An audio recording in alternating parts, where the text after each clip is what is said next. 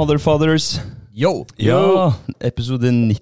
Velkommen. Yes. Ja, det er ikke gærent. Det er ikke gærent. 90 usponsa episoder. Eh, sponsa av eh, de samme lommebøkene som eh, alltid. og alle de 90 episodene ligger ute på både YouTube og Spotify og veldig mange andre plattformer der man lytter på podkast. Ja. Så abonner, lik, del. lik, del. Ja. Ja, Det er mye, mye kult og bra innhold man kan høre på. Definitivt. Ja, ja. Jeg, eh, Masse. Ja, altså jeg gikk jo glipp av å sitte her og snakke om vennskap. Eh, Det var litt trist. Ja, det var litt trist. Men, Skulle eh, vært med på den. Jeg skulle vært med på den. Ja. Eh, men det, det som jeg fikk på den annen side da, var jo muligheten til å høre på som en lytter i etterkant. Mm. Og det um, syns jeg var veldig fint. Ja. Eh, jeg syns det var en bra episode, og likte temaet, likte samtalen. Og jeg kunne til og med løpe til eh, samtalen uten at det liksom sinka meg noe særlig. Jeg følte egentlig at jeg hadde et ganske godt driv. Så det props til dere. Ja, men det er bra. Nice. Ja. Stemmen til Vegard og innholdet til Vegard og flowen, det var, eh, det var det som fikk meg gjennom tre kilometer sent på kvelden. ja, det er kult å høre, André. Takk for det. Ja, det er bra. Så ja, eh, siden sist så har det jo gått to uker med meg her, men siden deres pod så har det vært en, eh, en eh, ferieuke for meg, og for dere så har det vært en eh, arbeidsuke. Ja. Det har det. Ja. det, det. Eh, og så har vi hatt et, uh, en festlighet sånn uh, mellomslag her også. Yes, det var et lite utdrikningslag i går. Ja. Og det, det skjeddes i dag, for å si det sånn. Så vi får bare ta oss sammen og gønne på her. Jeg kjenner at eh, stemmen min er helt sånn rusten nå. ja, det blir litt sånn. Men det var en eh, lang dag med mye moro. Fra, Når var starten? Tolv? Starta tolv, ja. Ja. Det gjorde det. Så avslutta tolv-ish. Ja. Typ tolv timer. Ja. Det er lenge nok. Det tar på så mange timer eh, med alkohol. Det blir slitsomt. Med alkohol, eh, være utendørs, bading, varme, eh, mye folk. Eh, du blir kokt. Ja, altså bare det å være på vannet òg, da. Du Ja. blir jo du blir sliten av det, Ja. faktisk. Det er sånn typisk greie. Er du på sjøen, så, så blir du sliten når du kommer tilbake igjen. Er du på sjøen eller er du på fjellet? Det er et eller annet med å være i et sånt uh, scenery som er uvant, og med en helt annen luft og en helt annen type atmosfære. Ja. Merker det, altså. Vi var veldig heldige synes jeg da med været. At ikke det var stekende sol ute på fjorden der. Og så var det deilig at det var tak på den båten vi var på. Fordi, ja. det var bra props til deg, Vegard, som har planlagt det utrykningslaget. Det var bra. Da Ja, var det ja. Tista-båten som Mm. vi egentlig ja, holdt oss mest på. Og så det var ja, det. gikk turen oppover fjorden. Ja. Veldig bra. Aldri, aldri prøvd eller vært på den Tista-båten før, ja. så jeg ble positivt overraska over hvor fin han var. Ja. Mm. Ja, Shout-out til MS Tista. ja Yes. Mm, Ja, og så var det jo Ole vi drakk ut, da. Ole Fredrik. Så det var også en eh, hyggelig, hyggelig feiring for, eh, for han. Helt klart. Veldig bra. Og da hadde vi jo pitstop, så vi kan jo bare ta den med en gang òg. Ja, Det var jo jævlig gøy, så da ble det innspilling av eh, låt. Så, og da var det Hva het den sangen din, da? Uh, Backstreet Boys, I Want It eh, That Way. Vi kan si Ja. det, da, at der, eh, tidlig på dagen så, så dro vi ned på Hud og Laser eh, i Halden. Og eh, voksa Ole Fredrik eh, legger og lår, og ga han en spraytan, da. Ja. Sånn at han skulle bli en Backstreet Boy. Yes, og det ble helt uh, hvit eh, bekledning òg. Det ble det, så det passa veldig bra da å stoppe innom uh, Ole Evenrud, da. Ole Idole, studioet hans, og spille inn eh, Backstreet Boys. Det er et ganske det- idyllisk eh, studio. Ja, utrolig Rett ved fjorden og Ja. For en plass. Ja. ja, Ja, helt nydelig. Ja, det var dritkult. Så, så ja, så da var tema Eller da, skulle, da sang vi i kor, egentlig, da. Og så skulle Ole synge solo. Yes. Ja, så, Jeg har en liten smak, Ja, smakebit. Ja, jeg syns vi skal høre på den. ja, Det la oss eh, få opp den. Ja, altså Hvis du har veldig høy eh, volum på i bilen eller på headsetet nå, så anbefaler jeg kanskje å skru den litt ned, og så heller opp igjen hvis det blir for, eh, for dårlig. um, ikke for å spoile noe. Skal vi se her. Her kommer uh, Liten teaser. liten teaser. Skal vi se.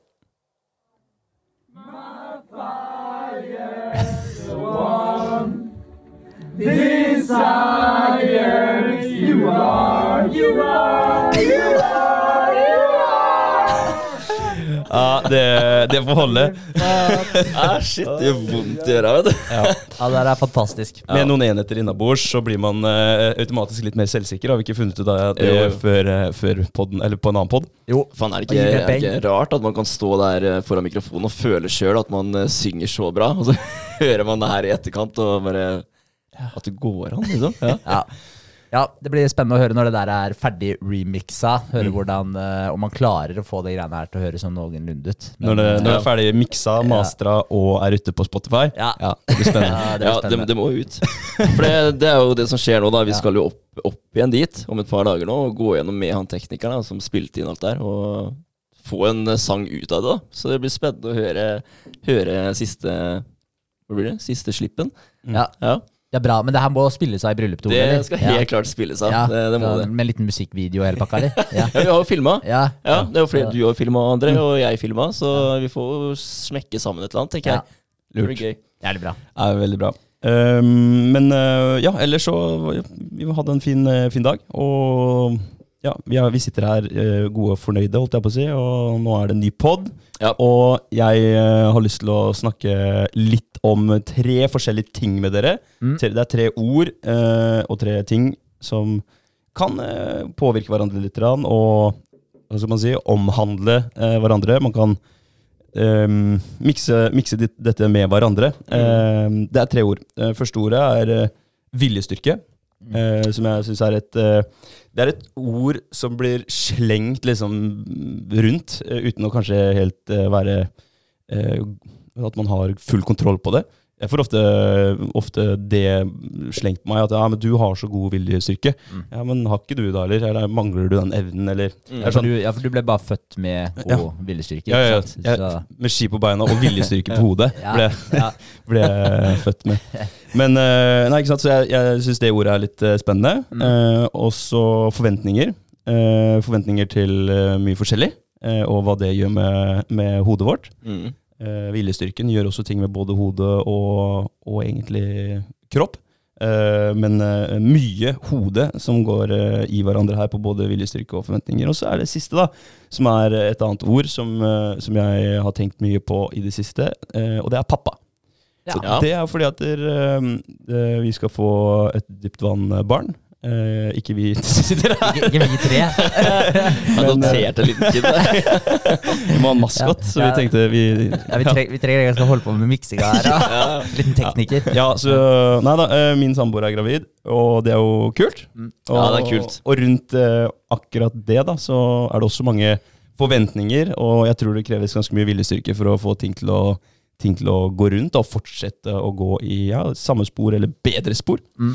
Um, så det er pappa. Um, det er uh, de tre orda. Pappa, viljestyrke og forventninger. Ja. Fett. Hva, hva er egentlig følelsen din rundt det å bli pappa? Er det, Det er nettopp det. Det er full av forventninger. ja, Eh, men er det, jeg bare, er det litt sånn eh, små angst samtidig som du gleder deg? Liksom? Det, er, det er selvfølgelig gleder du deg, men eh, alle har jo Skal jeg si? Man er jo litt redd òg. Jeg tror alle er innom den der tanken om at livet det, det på en måte endrer seg totalt. Eller at noen tenker at det nå, nå stopper livet mitt, for nå kommer det til å omhandle eh, den personen der da, som eh, eksisterer om Ja, nå er det fire måneder Vi er fire måneder eh, ifra. Vi er, ja, vi er eh, omtrent halvveis. Mm. At den personen da skal plutselig ta en plass i, i livet. Ja. Så man føl, jeg føler, jeg har følt det et par ganger, eh, men jeg har mest, mest sånn eh, positive hva skal jeg si, forventninger, positive holdninger rundt det å bli, bli pappa. Jeg har vært klar og egentlig hatt lyst på å få en kid siden jeg var par og 20, uten å kanskje vite helt hvorfor og hvor mye det kommer til å forandre livet. Man har jo Mm. alltid lyst til å skape en Altså det, er, det ligger jo i naturen vår at vi skal formere oss, og man, eh, i naturen og i bakhodet mitt i hvert fall, så ligger det en sånn lyst til å eh, forme et menneske da, til å bli bedre enn det, det jeg er. Mm. Det på en måte Ja. det, Det blir, jo, det blir jo mest sannsynlig det òg. Det kommer jo ut av eh, to bra personer, og det skal jo bli bedre, da. Ja, ja for det, er jo, det er jo noe med det, altså det er sånn Det med tanke på å få kids, den greia, altså sånn den der, litt trangen man har, eh, som du er inne på, da, sånn biologisk sett, det med å formere seg. Så Så har man lyst til å bringe genene sine videre. Det er jo litt det som ligger til eh, grunn for det. Men det er litt gøy å tenke på det òg. Altså, du jobber da med å på en måte mm, forme deg sjøl til å bli en best mulig eh, person. Mm.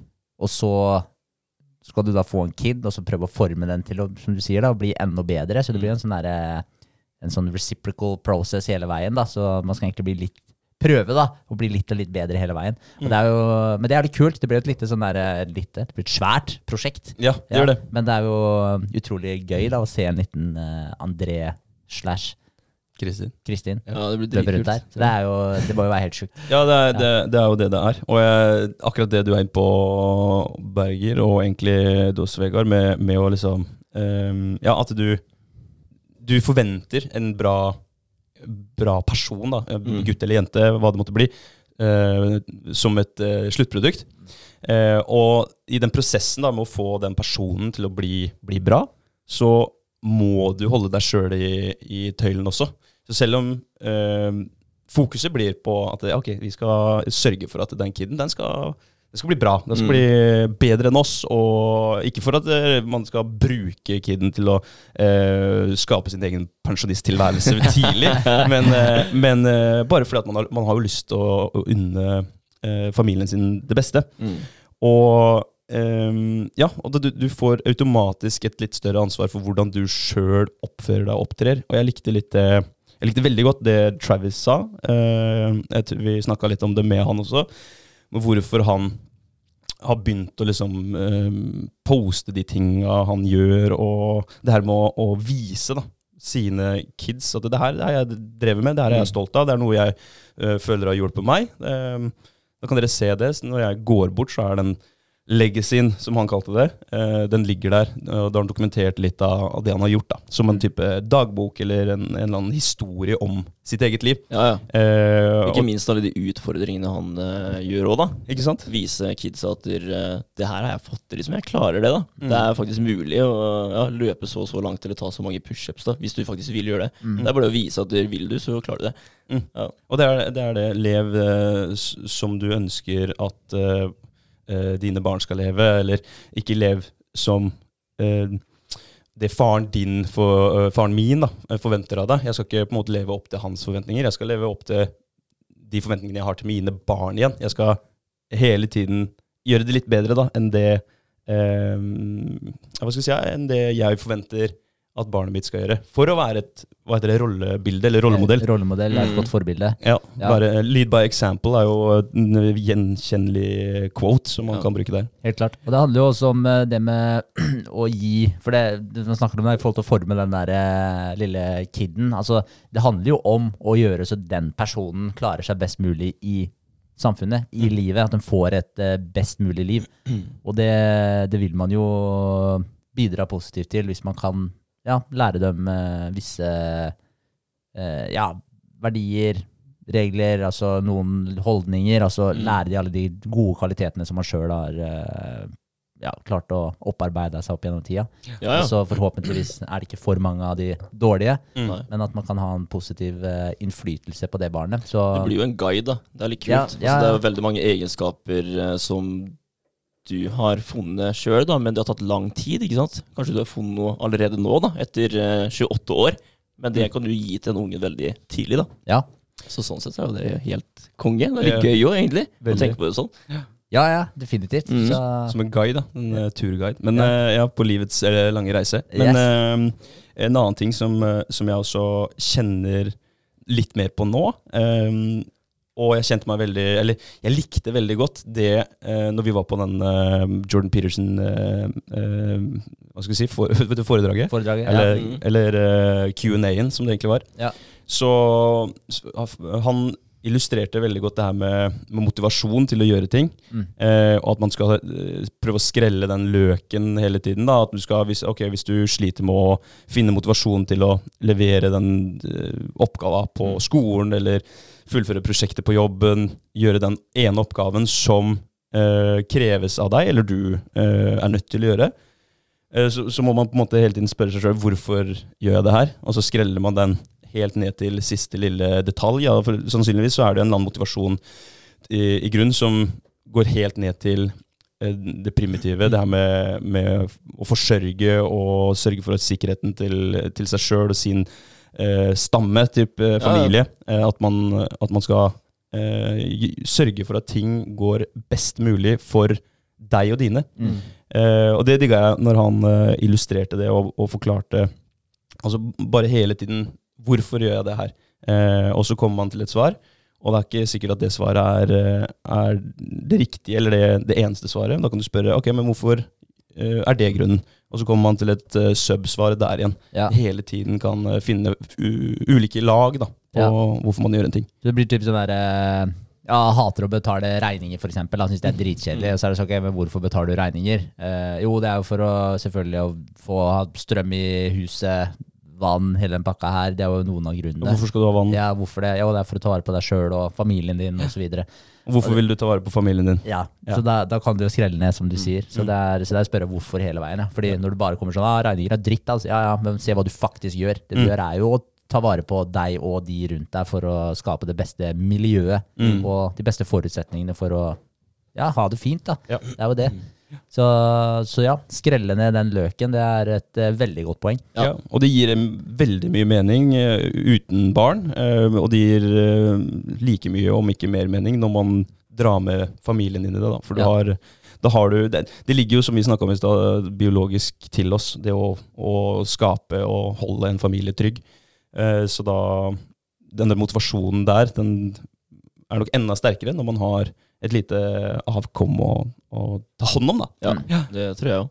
Så nei, det, det syns jeg var jævlig eh, En jævlig bra eh, en, Et bra verktøy Mm. å ta med seg fra det foredraget som vi satt på. Det her med å, å skrelle den løken. Ja, nei, men jeg, jeg er helt enig. Jeg hørte på et annet, en annen fyr som hadde et foredrag òg, og han uh, snakka om egentlig akkurat det samme greiene. For da var det ei dame som sa at hun, hun uh, hata å gjøre eh, Ja, det var noe sånn der, eh, det var noe regnskapsopplegg eh, som hun hata å gjøre, da, med tanke på det firmaet hun holdt på med. Og da var han sånn Ja, men hvorfor gjør du det? Og så begynte de liksom å skrelle seg lagvis ned, da, og til slutt var det bare sånn ja, det her må jeg jo gjøre egentlig bare for å, bare for å ta vare på familien, rett og slett. da, og Få den businessen her til å gro. da Ja, og, og, og vokse. Det er jo eh, så, så den der dritkjipe tingen som hun gjorde, den, den klarte hun ved å igjen skrelle vekk de laga, spørre seg hele tiden hvorfor gjør du det her, og finne den der eh, underliggende årsaken til eh, ja, å gi det mer mening. Og da brått så ble den der accounting-greia hennes, det hun egentlig syntes var dritkjipt, det ble sånn, vet du hva, det her er dritbra, det. For det her er en liten brikke av hele businessen. Så den sant. delen her er like viktig som alle de andre tinga jeg gjør, som kanskje er litt morsommere, men den her er like viktig. Så, så hun klarte bare på tre minutter liksom å bare switche den helt da, og bare Nei, vet du hva, det her skal jeg faktisk nyte å gjøre framover. Omstille Ja, det var en Ja, kjapp var omstilling, egentlig. Veldig.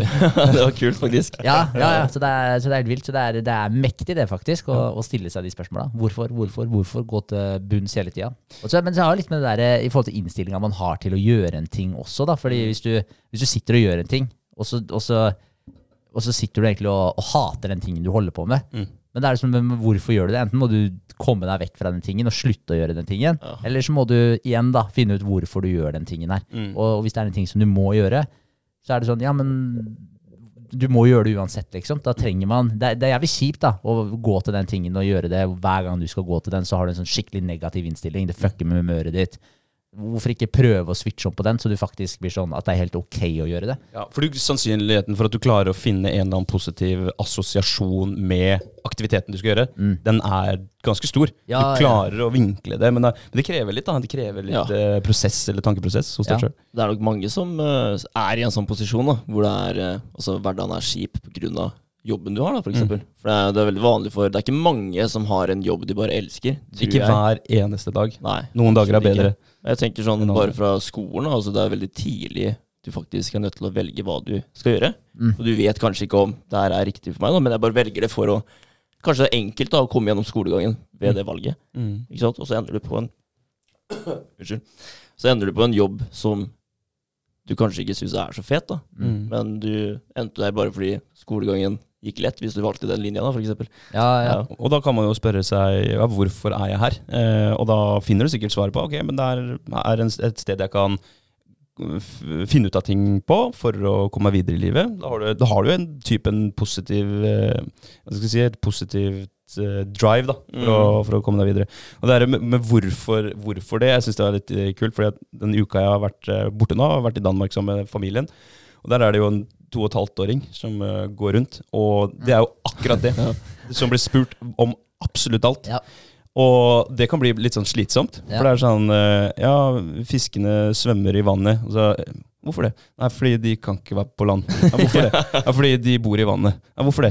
Om alt hele tiden. Det kan bli litt slitsomt, men øh, Og det her er jo da onkelbarnet mitt, og foreldrene til onkelbarnet mitt er veldig oppegående og veldig flinke, så de svarer alltid når han spør hvorfor det. Fordi Ja. det, det er jo så Han er jo som svamp. ikke sant? Han har jo lyst til å lære. Ja. Han vil vite mer. Så hvorfor ikke Ja. la ham få lov til å finne Eller få svara, da. Ja, ikke sant? Det er Eh, klart så, er det. så er det ikke alt man uh, klarer å svare på, kanskje, men uh, gjøre sitt beste. Ja, Mm. kult. Ja, fordi de, de tar veldig ting veldig fort. Han, han spurte Han pekte på bremsekalipperen på bilen min for et par måneder tilbake. Mm. Og så Ja, hva er det, onkel? Så Det er en bremsekaliper. Og så gikk det en time eller to, og så kom han ut. Og så peka han på bilen til faren sin og sa til faren at Se, der er det en bremsekaliper. Ja. Det er to Oi. og et halvt år og Ja, kan det- delene på bilen. liksom Mer enn Kult. det jeg kunne da jeg var ti år. Ja, Skikkelig bra. ja, Så det er, eh, det er veldig interessant hvor fort det her eh, går. Ja. Ja. Men det er veldig synd da hvis man skal begynne å bli irritert eller sint da, fordi ungen spør hvorfor det. Mm. Og det er sikkert lett å bli det òg, men eh, da trykker du ned den der nysgjerrigheten. da. Ja, du gjør det. Jævlig. Ja. Kapper'n, liksom. Ja, du gjør det. Men, Ja. Så slutter du som du sier til kiden din at du synger ikke noe pent, eller sånt da. Ja. så bare fucker du opp det. Du får deg til å tro at sangstemmen din er stygg. da. ja, Definitivt. Begynner å ignorere barnet fordi det spør for mye spørsmål. Mm. Det gir ikke lyst til å stille flere spørsmål og, og være, kanskje være sammen med foreldra òg. Du, blir- du blir lei da. Blir lei deg. Ja, det blir plutselig, plutselig negativt å stille spørsmål. Ja, ja, ja. Det gjør det. Ja, man skal faen meg være forsiktig med, med hvordan man går fram på ting. For det er, eh, for det er sånn at man tenker Man kan kanskje tenke i utgangspunktet at der, eh, hvis man ikke hadde valgt den approachen, da så man velger å sånn der, «Nei, men nå har du, nå har du spurt nok. Liksom. Du har bare ti spørsmål om dagen. Ja, nå holder det. Men uh, hvis man hadde tatt litt mer den approachen, som jeg tror ekstremt mange foreldre gjør, hvis man har fått spørsmål nummer 100 på sånn hvorfor det, det er sånn Bro, chill, da. Altså, jeg, jeg tror jo det er mange som havner der uh, før eller siden. Men man skal være litt bevisst på det, Fordi det er de signalene man sender til kiden. Du sier jo basically 'ikke vær så nysgjerrig'. Mm. Ikke lure på de tinga her. Ja. Du, det er jo det du sier. Så det er jo egentlig stikk motsatt av det du egentlig vil fremme hos kiden. Du vil jo at kiden skal være nysgjerrig. Du vil jo at kiden skal lære seg mest mulig. Mm. Så da er det veldig dumt å faktisk eh, si det motsatte. Ja. Ja. Tråkke, tråkke på, på den gleden der. Ja. Så, nei, så man skal være litt eh, hva heter det for noe, betenkt, eller litt eh, tenke seg godt om Ja. hvordan man eh, har lyst til å gå fram. Og det tror jeg er veldig viktig òg, altså begge, begge foreldre. Ja. Ja, både mor og far, at man er Samstemte. enig. Ja, Mm. For det tror jeg det må være det verste hvis du har uh, to foreldre som har en forskjellig approach på, på kiden. Det må jo skape full forvirring. Mm. Det tror jeg, det tror jeg er viktig. At man, Ja, er liksom, at man er enig om taka på forhånd. Det er nok eh, vanlig hos mange, det òg. Altså det at der, eh, faren har lyst til å være den kule, hyggelige, så uansett hva mora sier, da, sier nei, ikke sant, så kommer faren inn og bare Jo da, det går bra. Ja. det tror jeg er mer, mer vanlig nå, eh, og det kan ha store eller Det kan ha hatt store konsekvenser for hvordan folk blir oppdratt, eller hvordan barn blir oppdratt. da, fordi at Før i tiden så var det jo mer vanlig at der, uh, far var mye borte, mye på jobb. Eh, og mor var hjemme, så mor var den som hadde på en måte omsorg og em, var den som måte, ga mest. Mens når far kom hjem, så hadde han et kort vindu på å oppdra den kiden. Så da var det det var harde kår. da, At det, den skulle formes og eh, på en måte i- ikke irettesettes, men jo, kanskje det også. Men det er et mindre vindu da, for å, for å få eh, den oppdragelsen som eh, faren har lyst til. Mm. Da er det nok mye striktere. Eh, mens i dag så er det mer fleksibelt, tror jeg. At du har far og mor som går i pappaperm, mammaperm om hverandre, kommer hjem, er sammen, mer tid, eh, mer samarbeid. Sånn at, barn, at barn har litt eh, En litt lettere, kanskje bedre eh, tilværelse nå enn før. Kan godt hende. Men Ja. om det er bra, vet ikke. Det, Jeg tenker Den får sikkert eh, mange flere inntrykk i dag òg, fra folk rundt, da, enn Mm. det de gjorde før. Ja. Før så, altså egentlig fra alt, da. Altså, før så var du mye mer Du var jo mer isolert, på en Mm. måte. Ja, klart det. Ja, nå har du jo er verden i, i lomma di, liksom. Ja, ja. Så jeg tror det er eh, Jeg tror en unge i dag vokser opp med et sinnssykt mange flere inntrykk. Og så er sammenligningen, da. Du kan sammenligne foreldrene med andre personer òg, da. Ja. Det jo, tror jeg du kan eh, gjøre mer i dag, da. Så det er, jo, det er jo flere folk på omløp liksom, i dag enn det Mm. det var før, da. Mm. Vil jeg tro. Det er, en, det er en kul tanke, det der med at de, de har flere referansepunkter, som du sier. Mm. Du, du kan se på filmer på, på sosiale medier, kan du se eksempler på foreldreroller, da. Og hele tiden evaluere hvordan er mine foreldre kontra andres. Mm. Mens før så hadde du bare dine foreldre å forholde deg til, stort sett. Og så var du på besøk hos andre osv., selvfølgelig. Men, men rangen her da, den er ganske mye større nå. Mm. Du, har, du har flere sånne faktorer som hele tiden eh, pusher deg litt i forskjellige retninger. Eh, men jeg tror det er, det er stor forskjell. Jeg tror det var mer sånn good cop, bad cop før i tiden. Når faren hadde det der lille vinduet, Mm. eh, var på jobb, sliten, kom hjem, bam, sånn skal det være. Ja. Eh, mens nå så er det litt mer fleksibelt. Ja. Så vet, har ikke jeg noe fasit på hva som funker best. Nei. Men eh, barn har forandra seg, da. Det er mer diversity i dag enn det det var før. Ja. Så Men, eh, ja, men jeg tenker jo også eh, at man er jo mye mer bevisst på eh, altså Før i tida så satt eh, de voksne og røyka i bilen med kidsa i baksetet. Altså det er sånn, vi, vi vet mye mer i dag også Mm. enn det vi gjorde før, så vi vet jo også mye mer i forhold til eh, ja, hva, hva som er med på å prege eh, ja, personligheter, kidsa generelt. Ja. Så, så det er på en måte lettere i dag da, å ta et eh, litt mer eh, hva skal jeg si, Du har litt mer info å basere valgene dine på, eh, tilnærminga di. Så kanskje ikke det er det beste å være helt jævlig rigid og bare sånn som det kanskje var før. da. Mm, mm. Uh, at, man, uh, at man kanskje har en litt rundere approach. Men jeg tror jo det er en balansegang her. Fordi altså hele tiden så er det sånn Med tanke på før i tida, da, når, ja, når folk vokste opp mye tøffere. Og det var sikkert fedre som uh, lappa til ungene. og liksom, altså Det var jo mye mer brutalt. Det var Altså, ikke noe barnevernet da, liksom. Nei, det var ikke det. Og, og folk fikk jo linjalen smekka over fingra på skolen, og pekestokken, liksom. Og, men det er sånn Det gikk bra med dem òg. Mm. Så, så jeg tror liksom øh, altså, Så det er på en måte Jeg tror kanskje fort at det kan bli for, for mykt òg, da. At man Mm. er sånn øh, helt på motsatt ende av skalaen. Og, og selvfølgelig, det er bra at man er vekk fra å slå ungene med pekestokken. Det, selvfølgelig. Mm. Men, men det er et sånt Poenget mitt er bare at det gikk bra med de kidsa der òg. mm. Ja, og de fleste i generasjonen over oss har jo vært igjennom akkurat de greiene der. Ja. Eh, og det har gått bra, det òg. Så, så jeg tror på en måte at, der, eh, at det kan gå kanskje for mye over på den Det, det er viktig å sette grenser, da. Det er egentlig poenget mitt. Det er viktig det med eh, å ha faste rammer, at du har noen regler å forholde deg til.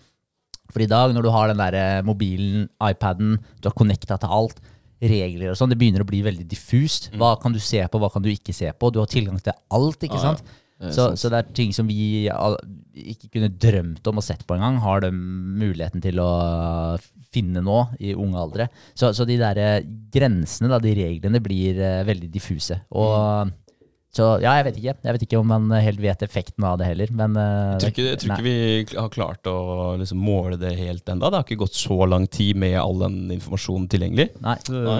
Det er jo på en måte i vår eh, generasjon det har på måte blitt skikkelig eh, tilgjengelig, da. Ja. Eh, de siste bare 20 åra. Så har, så har du fått liksom verden foran deg. Den er, den er på god, kort avstand, for å si det sånn. Det det. Jeg tenker det kunne vært kult å, hvis det hadde vært en studie som eh, viser forskjellen på barn som eh, Altså når eh, Tenk deg, tenk deg et barn som eh, vokser opp med at foreldrene følger ungen. Altså de legger opp løpet etter barnet, da, kontra at barnet sitt løp følger deg. da, Det du Mm. gjør. Det er mange som altså livet blir satt på vent, da, ikke sant? Mm. fordi unge blir født, og du må gjøre du må legge ungen da og da, og du må bare være mer hjemme. da, Du kan ikke ta med ungen ut. og Det er veldig mange som blir sånn. ikke sant? Mm. Kontra at hvis du skal på trening, da tar du med ungen på trening. da. Mm. Det er veldig mange som ikke trener lenger fordi de får en kid. ikke Ja. sant? Kontra de som ja, fuck it, vi bare tar med en kid på treningssenteret, og så løser det seg. Litt Ja. den der leve etter ditt løp, da. Og du ikke lever et unge sitt løp. Ja, veldig Ja. sant. Altså, der syns jeg Gotti og Ulonka de, de hadde en eh, sykt bra approach. De var sånn eh, For jeg spurte hvordan det gikk eh, etter at de hadde fått eh, kid. For da var ikke kiden så gammel. Jeg husker ikke, det var bare noen eh, måneder. Eh, og da spurte jeg hvordan det hadde gått. og sånn. Ja, det har gått helt fint. Ja, ja, du sover om natta og alt er bra. Han bare, ja, ikke noe problem i det hele tatt. Altså, det var liksom ikke noe problem. Og så sa han bare det vi hadde vært jævlig nøye på, sa han, det var at der, ungen her, den kommer inn i vårt liv. Mm. Mm. Ikke sant? Den blir en del av vår hverdag, men det er fortsatt vår hverdag. Så den, må, den må på en måte tilpasse seg litt mønsteret vårt. Mm. Eh, så, så den var ikke sånn at der, de bare endevendte alt, og det var sånn Nå var Eh, nå skulle alt dreie seg om kiden, liksom. Det var sånn, Den kiden her den kommer inn i våres hverdag. Eh, og så de hadde den approachen. Og det hørtes jo sjukt bra ut. Så var det sånn der når eh, I forhold til Ja, vi var konsekvente da, har fått sånn type legging og jeg vet hva det er, alt av rutiner, så, så var det liksom sånn Det var de som satte reglene, og, nå, og det var ikke noe problem. Så, så de, eh, ungen sov, og det, det, var- altså det, må, kanskje det kan hende de har vært heldige med ungen òg, selvfølgelig. Da. Det er jo stor variasjon der òg, så det er jo ikke alt man kan styre sånn sett. Men de hadde den approachen, akkurat den approachen som du sier, eh, Vegard. At døm, den ungen her kommer inn i dømmes hverdag, Ja, ikke sant? og det er dem som styrer løpet, Ja. ikke ungen. Det tror jeg kommer til å forme ungen veldig òg, altså fram i tid. da. Ja. Hvis du lever etter reglene til ungen, så, så vil jo det bare fortsette, det da. Ja. Da blir det en Ja. tyrann Ja. eh, som du, du må leve etter. Shit. Men eh, ja, det høres ut som en veldig god approach. Mm. Jeg har en eh, Det er en dame som jeg har gått uh, noe sånn um, gruppetreningskurs med, som heter Helene Wabo. Hun eh, gjør sånn som eh, du snakker om, Vegard. Det er med å uh, trene. Det blir ikke en unnskyldning det at du har fått kid. Det blir på en måte bare en, en ekstra greie da, som du må, du må bare ta med deg. Så hun fra, var det dagen etter at hun hadde født, så hadde hun uh, med seg kiden på, på trening. Så jeg vet ikke hvor lurt det er. at man kanskje må få Dagen etter, Ja, ja, ja. Og, det, og hver treningsøkt er den kiden med på. Og det som er så fint da, da det er at det, eh, for det kommer vi til å snakke litt om etterpå, det er alt vi gjør er veldig overførbart. Uh, Så hvis du er fast på dine rutiner og prinsipper, og trener, da, at du er aktiv, så vil det garantert smittes over på, på barnet ditt. Aktiviteten, også det her med å være tro mot sine egne rutiner og eh, være strukturert og få gjort det du skal gjøre. ikke sant? Ja. Så, så det er bare bra. Jeg kan ikke se for meg at det er noe negativt med det å, å få kiden inn i sitt livsmønster, Ja, ja. istedenfor Altså, å leve etter kiden. Det sitter jo en unge der med en åpen eh, underbevissthet, liksom, som bare tar inn alt Ja. det du gjør. da. Det er den svampen. Ja. Den, er, den er der fra tidenes morgen. Ja, kult, ass. Det er det. Det er kult. Det. I, eh, i uh, viljestyrke, som er uh, For nå har vi snakka litt om pappa, det kommer vi helt sikkert til å, å gå litt tilbake til også. Men uh, i viljestyrke, som er det andre ordet som vi dro fram i stad, um, så tenker jeg jo mye på det, an- den andre delen av ordet. Du har styrke. Og styrke, det er jo noe man kan tilskaffe seg, eller anskaffe seg. Man kan bli sterkere. Eh, så jeg har lyst til å bare ta en liten titt på det, fordi vi snakka så vidt om det i stad. Med at der, ah, du har så bra viljestyrke, og så er det på en måte en unnskyldning, unnskyldning for seg sjøl for å ikke få gjort ting. For at den Mm. har ikke jeg. Jeg har ikke din viljestyrke. Men uh, det har du, og den kan du, den kan du trene opp. Så du har den, den ligger der latent, og så kan du gjøre den sterkere, ikke sant? sånn som en muskel.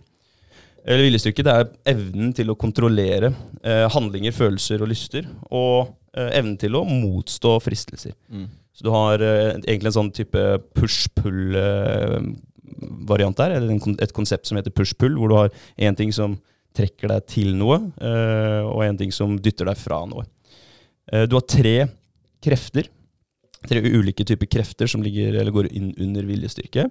Du har 'jeg vil ikke', det er den derre pushet, at du unnviker. Du har 'jeg vil', det er motsatt. Pull.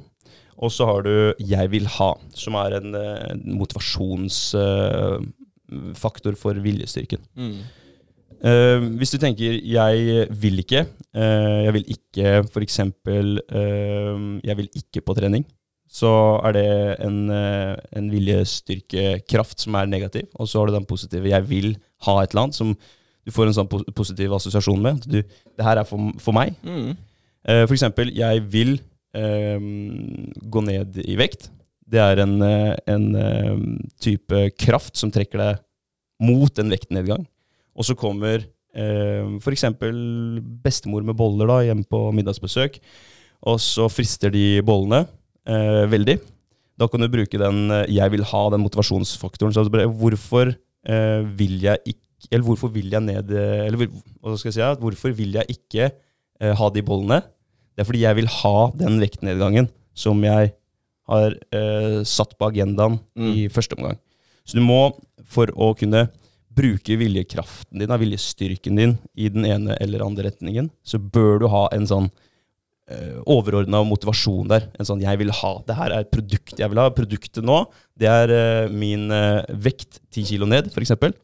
Eh, og derfor så vil jeg ikke ha de bollene. Mm. For eksempel. Ja, så en sånn dobbel, dobbel motivasjon egentlig, da, altså i begge retninger. Yes. En ting som du ja, en ting som du løper etter, og en ting som du løper fra, holdt jeg på å si. Ja. Så, ja. Så du har to sider av en selvkontroll. da. Du Mm. vil noe eller vil ikke noe, og hvorfor Mm. vil jeg Ja. det ikke, eller vil jeg det? Hvem tror du er sterkest? Jeg vil eller jeg vil ikke? Er det, tror du det er en forskjell her på at noe, en av dem er sterkere enn noen Jeg tror jeg vil er sterkest, Ja. men at eh, jeg vil ikke eh, ligger nærmest, da, hvis du skjønner hva jeg mener. Mm. At det, den kommer først der. Altså, det, for det er en sånn negativ greie. Ja. Jeg vil ikke ha ditt, jeg vil ikke oppleve datt.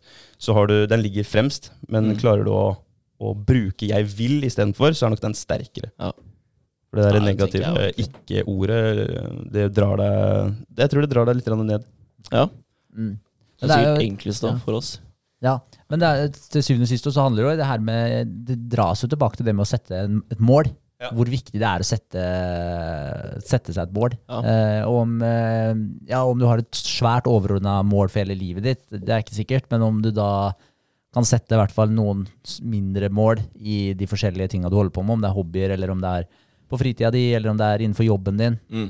Altså at du setter opp noen mål, så ikke man går i, i det her eh, ja, mønsteret dag inn og dag ut da, og bare reagerer på miljøet sitt hele tiden. Så, for da får du satt opp de Får du satt opp det målet, så, så har du noe å jobbe mot. Da, da har du progresjon også, og det er Mm. motiverende i seg sjøl. får du mestringsfølelsen, og så booster det den positive energien der. Og Ja. da blir jeg vil enda sterkere igjen. Definitivt. Ja. Selvtilliten begynner å komme, du begynner å føle deg bedre. Altså, så det er jo eh, Den også går jo Det blir jo en sånn der positiv loop, eller en negativ loop. Det spørs hvordan du ser på det. Men det å sette seg et mål Altså, jeg får ikke understreka nok hvor viktig det er å sette seg et mål. Nei. Nei, det, sånn. det underbygger man jo egentlig gang på gang, uansett hva vi snakker om. Ja. Det, det er egentlig det er det det handler om. Mm. Og det er, da kommer vi tilbake til hvorfor det også. Hvorfor har du det målet? Og så underbygger du grunnen til å uh, gå en retning. da. Mm. Og, og når vi snakker om at det er viljestyrke er en Uh, altså det er en trenbar muskel. Man kan se på det som du, hver gang du repper, og hver gang du gjør en ting som krever litt av deg, så repper du på viljestyrken. Uh, og jeg har syv punkter her som, har, eh, som er trenbarheten til, eh, til viljestyrken. Altså hvor, hvordan du altså Tips da, til hvordan du kan eh, trene opp den muskelen Mm. for at du skulle kunne lettere um, få gjort ting, egentlig. Uh, og den første er jo spot on, Henrik. Det, er, det handler om mål. Uh, du har smarte mål, hvor hver bokstav uh, har en funksjon. Smart er jo da en uh, abbreviation for spesifikk, målbart, attraktivt, rutiner og tidsavhengig. Så du må sette først og fremst et spesifikt mål. Så det må være tydelig. Du må ha en skikk, et skikkelig godt bilde over hvorfor og hvordan og hvor du skal. Mm. Eh, det må være målbart, eh, og det er å finne ut av status quo. Hvor er jeg i dag? Eh, og jeg kan hele tiden tracke at jeg faktisk går riktig vei. Så det må være, du må kunne se en differanse. Du må kunne, så at, for eksempel da, hvis du ligger på 80 kilo og du vil opp til 85, så har du en vekt som gjør at det, det her er målbart. Der kan du hele tiden sjekke underveis. Eh, det må være attraktivt. Det må, kunne, du, det må være noe du har litt passion for. At det må være noe du faktisk har lyst til å gjøre. Det må ikke Mm. være på bakgrunn av noen andres tanker eller noen andres mål. Det må være noe du har lyst til å gjøre. Eh, rutiner. Det er eh, vesentlig for å, for å kunne opprettholde en viljestyrke og kunne em, få ting gjort. Og hver gang du får en ting gjort, så snakka vi om mestring i stad. Eh, og den mestringen det blir en positiv assosiasjon med å gjøre ting. Være proaktiv og ikke la livet skje, men å ha den viljestyrken da, til å få ting til å skje. Mm. Og så tidsavhengig. Det må være eh, mulig å sette en horisont. Altså her kommer jeg til å være så langt på vei. Det er, eh, det er alfa og omega. Og der tror jeg veldig mange er ganske slappe, Mm. inkludert meg sjøl. Ja, det her har jeg lyst til, men jeg aner ikke når jeg har lyst til å få det gjort. Eller det her er målet mitt, men jeg har ikke, jeg har ikke den, den tre månedene for å få akkurat eh, det her gjort, da, eksempel. Eller de to åra, eller Mm. den derre ramma. Du må, kunne, du må kunne se for deg når ting skal inntreffe. Men det er, jo, det er jo egentlig mangel på commitment det går på. Det er jo at man ikke har lyst til å committe. Fordi med en gang du committer, så, så vil du begynne å føle på det hvis ikke du gjør det. Med en gang du committer til og du setter en tidsfrist på et eller annet, da vet du hva du må gjøre. Hvis, du, hvis du tar vektnedgang, f.eks., hvis du skal ned 10 kilo, så sier du at hvis det er målet ditt, så sier du automatisk også at ok, men da, da er jeg nødt til å ordne med kostholdet mitt. Jeg er også nødt til å trene. Eh, og hvis du sier til deg sjøl jeg har lyst til å gå ned 10 kilo, men så er det bare svevende, så du gjør egentlig ikke noe med det, men du sier det til deg sjøl jeg, jeg har lyst til å gå ned 10 kilo, men, du, men igjen, du, du er ikke dedikert nok til å sette den tidsfristen. Med en gang du gjør det og sier jeg skal gå ned 10 kilo innen eh, si to måneder eller tre måneder, eh, da har du satt datoen, og du har satt målet ditt, og da vil du begynne å få jævlig dårlig samvittighet hvis, ikke du, hvis du spiser den bolla, eller hvis du ikke følger kostholdsplanen din, eller hvis du, ikke, hvis du ditcher en trening. Så, så det er jo med en gang du da setter ut det målet, og du ikke gjør det du skal, så gir du øh, deg sjøl en veldig dårlig følelse. Du, du får jo dårlig samvittighet. Så det er jo det å med en gang du setter den tidsfristen, at du faktisk committer veldig til det målet du har satt deg. Og jeg tror derfor det er mange som ikke gidder å sette den tidsfristen. Fordi du, da gir du deg ikke sjøl en utvei. Du har alltid en utvei når du ikke har den ramma da, eller den fristen til å, eller deadline for å få noe gjort. Ja. Har du ikke en deadline, så har du alltid en utvei eller en unnskyldning eller et eller annet du kan, ja, du kan bortprioritere. Ja. Det som er eh, ironisk her også, er jo at eh, ved å ikke sette den tidsfristen, eh, og gi deg den tidsfristen, og ved å ikke virkelig gå inn for å nå det målet her, den eneste som taper på det, er jo deg sjøl. Ja. Det er jo ironien i det hele her. Fordi du sier jo det er jo en grunn til at du har lyst til å gå ned 10 kilo. Åpenbart så er det fordi du ikke er på en sunn vekt nå, eller kanskje du ikke føler deg bra, du har ikke noe god selvtillit, du har ikke et godt selvbilde. Så åpenbart så er det jo fordi ditt eget beste, du har lyst til å gjøre det. Eh, men, men når du da ikke committer til det, så Altså, det er jo fordi det er eh, pain i her og nå, fordi du må gjøre mer enn det du gjør i dag. Og sånn er det jo egentlig med alle mål som man setter seg. Det krever mer av deg enn det du gjør i dag. Fordi hvis du allerede hadde gjort det i dag, så, så hadde du ikke trengt å sette deg som mål i utgangspunktet. Uh, så, så det er jo mer krevende nå, men det gir deg jo en gevinst long term. Så langsiktig så vil du jo få mer igjen for å gå inn for det. Men, så det er veldig ironisk at man er så jævlig dårlig til å committe til ting. Så blir det bare enklere og enklere for hver gang da, å, å bryte, bryte målet. Som du har satt deg da. Hvis du først har gjort det en gang, så får du dårlig samvittighet. Og så gjør du det en gang til, og da blir ikke den dårlige samvittigheten like sterk neste gang. da. Så det blir jo bare enda enklere å gjøre det. Så du kommer inn i et dårlig mønster da. veldig fort hvis du gjør det. Ja, ja. Ja, da trener du den dårlige Ja, det det. kraften, den der 'jeg vil ikke'-kraften, eller den, den negative siden. Ja. Repper negativt på viljestyrken. Ja, Det er ikke bra. Nei, det er ikke bra. Og, og det, er, eh, det kommer jo inn her igjen, det med å lage delmål, sånn at du kan få mestringen av å faktisk nå oppnå noe, istedenfor å få den der dårlige samvittigheten og følelsen av å mislykkes. Uh, for det har vi jo det har sett eh, gang etter gang, at en, eh, en art som feiler Hvis de slåss, da, du har to fugler som slåss om et territorie. Den som taper kampen, og mislykkes, den neste gang den havner i en eller annen battle for territoriet, eller battle for mat, eller hva det måtte være, den eh, taper som oftest igjen. Mm. Det er en, uh, en liten study på, på det i forhold til flere forskjellige arter. At eh, winner takes all. Det er sånn det er. Jo mer du gjør av positive greier for deg sjøl, jo bedre vil du bli. Men hvis du går inn og setter deg opp for å mislykkes gang etter gang, så er jo sannsynligheten for at du fortsetter å mislykkes. Ja. Den ene kjenner til tapet, og den andre kjenner bare til det å vinne. Ja, Yes. det er noe med det. Det er, det er veldig interessant der, hvis du ser på UFC, eksempel. Det som er dritkult å se der, er når du har en ubeseira UFC-fighter. Så det er bare se på Conor McGregor, da, klasseeksempel, liksom. Og det er akkurat som at det, det er akkurat som at han er uovervinnelig i den perioden der. Det er bare et eller annet men. Altså, det var det samme med Anderson Silva en gang i tida når han holdt på. Altså, du har liksom noen ganger de her som kommer, og bare Det er ingen som klarer å ta dem. Og så taper de én gang. Og det, det, bare skjer noe. ass. Det, det, folk ser etter Å, faen, du er bare et menneske, du òg. Det, er et eller annet som skjer da. Du mister den der eh, litt den selvtillitsgreia. Jeg, jeg vet ikke hva det er. Men det, det ser man veldig tydelig i UFC. Det, så når de er ubeseira, og de har den der eh, skal jeg si, den spiriten da, du, du bare Du ser det på dem, måten de eh, bare er på, måten de fighter på, hele pakka. Ett tap. Det er et eller annet som skjer der. Det er ikke det samme etterpå, liksom. Nei, nei da, da begynner du å gå ned den der dårlige spiralen igjen. Du begynner å tvile deg sjøl på om du faktisk er i stand til å fortsette å fighte. Du, du er hele tiden du repper på de negative sidene, sannsynligvis. da. Mm. Ja, ja. Så det gjelder å ikke tape, men man må jo forsøke før eh, man vet om man kommer til å tape eller vinne. da. Mm. Ja. Så gjør du ingenting, så skjer det jo ingen endringer. Og Det er ganske rart det her. Altså, folk blir jo nesten redde bare for ryktet ditt, ikke sant. Mm. De er redde for å møte deg i ringen da, fordi ryktet ditt er så stort, ikke sant. Mm. Det er liksom, Du skal fighte en gud, du nå. Det blir som før, da, når eh, Alexander den store skulle komme, liksom. Så er det sånn alle bare, «Åh. Ja, Ja. ja.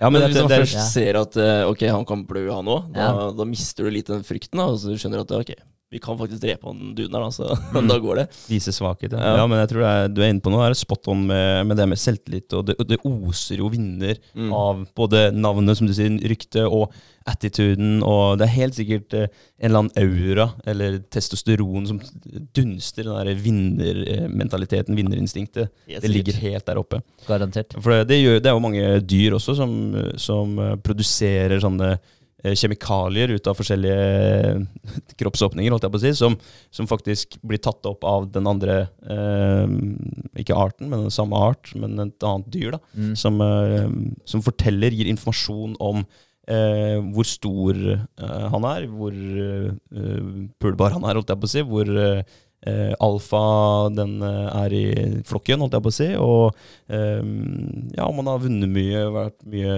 er sterk, liksom har eh, mulighet, mange muligheter for å overleve. da. Mm. Det er mye, mye informasjon som er lagra i, i eh, den, de kjemikaliene som blir spruta ut. Mm. Det er kult. Det er, det er sjukt. Men du ser jo det også på folk, altså hvordan eh, folk ter seg også. Kroppsholdninga. Ja. Hvordan, eh, hvor god selvtillit folk har. Det er jo noen som er sånn 'unnskyld for at jeg lever', liksom, og kryper sammen. Og, og så er det noen som er sånn du ser at de har selvtillit. De er eh, ja, full av selvtillit. Ja. Det, er, det, det er en stor forskjell. Og så er det det med tanke på tankesettet ditt også når du går inn og skal angripe en oppgave. Hvis du Ja. har god selvtillit, og du har, eh, altså du har gjort de tinga du skal gjøre, du har satt deg et mål, du, du får de her små winsa hele tiden og nærmer deg målet, så, eh, så vil det jo være en helt annen attitude du går inn eh, og angriper den oppgaven på, enn om du hadde hatt dårlig selvtillit, følt at det ikke var mye greier du ikke klarte, og snakka deg sjøl ned. Så hvis du hadde reppa negativt da, på den viljestyrkebiten kontra positivt, så vil du ha en helt annen approach på måten du angriper den oppgaven på. Mm. Og, og der også, så jeg tror igjen, eh, i forhold til det med at vi er vår egen største fiende, at vi snakker så mye negativt til oss sjøl, og så driver og sår tvil hos oss sjøl, i stedet for å bare tenke at ok, men hva om det går bra? Gønne på, liksom. Tenke at det her får du til uansett, og så bare kjøre på. Mm.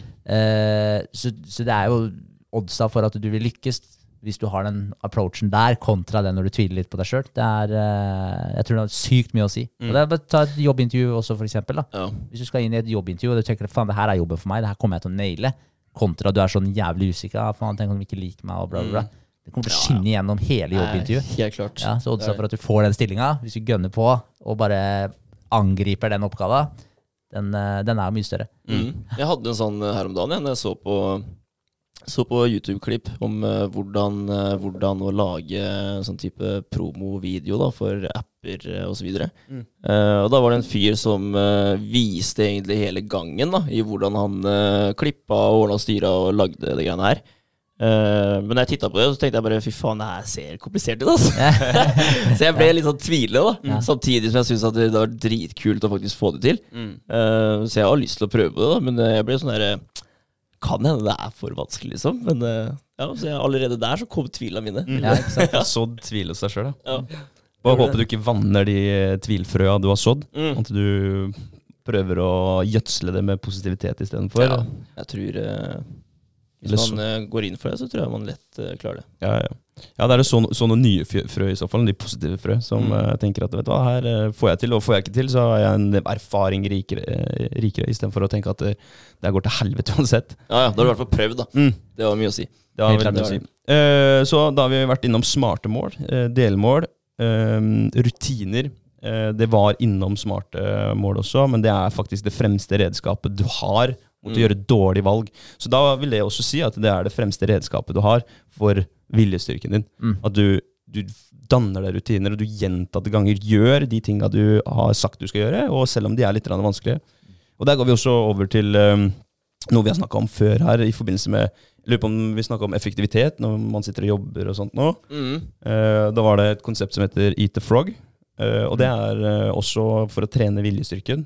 Begynn med det som smaker verst, eller eh, det som uh, ikke er veldig um, fristende, da. Ja. Ja. Så ikke utsett. Bare få det gjort. Begynn med det tidlig om morgenen. Mm. Tenker dere om det? Eat the frog. Den har vi snakka om før. Det er nok ikke dumt, men det er altså begynn med det Begynn med det kjedeligste eller det du absolutt ikke har lyst til å gjøre. Da. Det er jo egentlig bare smart å gjøre, med tanke på den store haugen som kan uh, samle seg opp på hvis du ikke gjør det. Det kan bli veldig mye da, og du må jo en eller annen gang faktisk ta grep og gjøre det uansett. Ja, og så er det de, de tyngste oppgavene som som regel veier uh, mest. Og hvis du da løfter en veldig tung vekt, så blir du dritfornøyd når du faktisk har fått den opp. Mm. Uh, så jeg tenker at da er det jo, er det jo bare vinn, da, når du tar den verste oppgavene først. Og så ok, sjekker vi av den. Eh, nå har jeg mestra det, nå kommer jeg til å mestre hva som helst resten av dagen. Men det, men det er akkurat det der også, i forhold til det å få huka den av. Fordi altså, hvis du har en oppgave som du egentlig ikke har lyst til å gjøre, som er stor, og du gruer deg litt til den, og så og så når du hele tiden driver og skyver den fram i tid Den, den ligger jo her, den. Du, du er jo fullt klar over den Ja, ja. oppgaven, at du ikke har gjort den, så den, den skaper jo stress. Selv om du ikke bevisst tenker på den hele tiden, så skaper det jo stress. Ja, ligger der og Det- gnisser oppi skallen og på samvittigheten og alt som er. Ja, ja, ja, den gjør det. Så jeg, så jeg tror jo også det med at eh, å bare få den bort, få sjekka den av, så vil jo det skape igjen da, en veldig god uh, følelse. Du får bort det stresselementet uh, ut av huet ditt. Uh, og, og det tror jeg også er eh, viktig generelt, at man får bort de tingene hvis det er ting som plager deg. Altså, jeg har den der trappa for eksempel, til kjellerleiligheten, da, som er et godt eksempel. Den, har, det det, den skulle jeg vel kanskje i prinsippet ha gjort da, for to år siden. Bare mura den, blitt ferdig med den. Og det har vært sånn, Hver gang jeg har sett den trappa, så har det ligget i bakhodet mitt at faen, den der skulle jeg vært ferdig med. Ja. Eh, men nå har jeg jo tatt grep da og fått gjort det, liksom. Og nå begynner det å bli utrolig bra. Og nå er det jo så deilig, så nå kan jeg bli glad hver gang jeg ser på den trappa, i stedet for at det er en liten sånn der, eh, lite stressmoment. Fy fader, det er stor forskjell. ass. Det er helt, ja. helt forskjellige mindset du på en måte har etter å ha gått forbi en gjenstand, bare. Det er ganske sjukt. Ja, ja, det er helt merkelig. Men tenk deg da hvis du har eh, 30 sånne trapper som du ikke har gjort ferdig.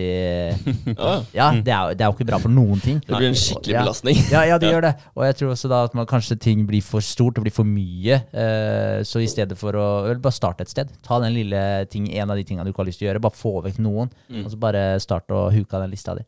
Så på et eller annet tidspunkt så har du jo ikke flere stressende elementer igjen i hverdagen. Ikke, ikke som du har uh, unngått å gjøre, i hvert fall. Så da går det an å bygge seg videre derfra. Så blir det mindre, mindre stress da neste gang du skal eh, ta den oppgave du egentlig ikke liker. For du har jo gjort det før og vet at eh, det blir en cookie jar, egentlig. Du vet at eh, det her har du klart før, og da klarer du det igjen. Definitivt. Ja, så nå skal du, neste gang du skal mure trapp, så er det bare å sette i gang. Jeg kommer aldri til å mure trapp. Jeg tenkte på det. Ja, det, er, altså, det, er, altså, det har vært helt innafor å holde på med det, altså, men det har vært så sjukt tidkrevende. Det, er, det, det tar så mye tid.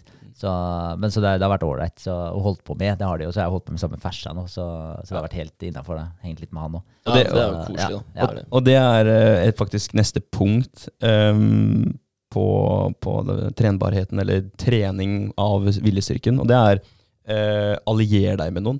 Så For det er ting som faktisk er for, for folk da, veldig vanskelig, og veldig, eh, spesielt veldig vanskelig i starten. Så Ta trening, f.eks., eller bygge trapp.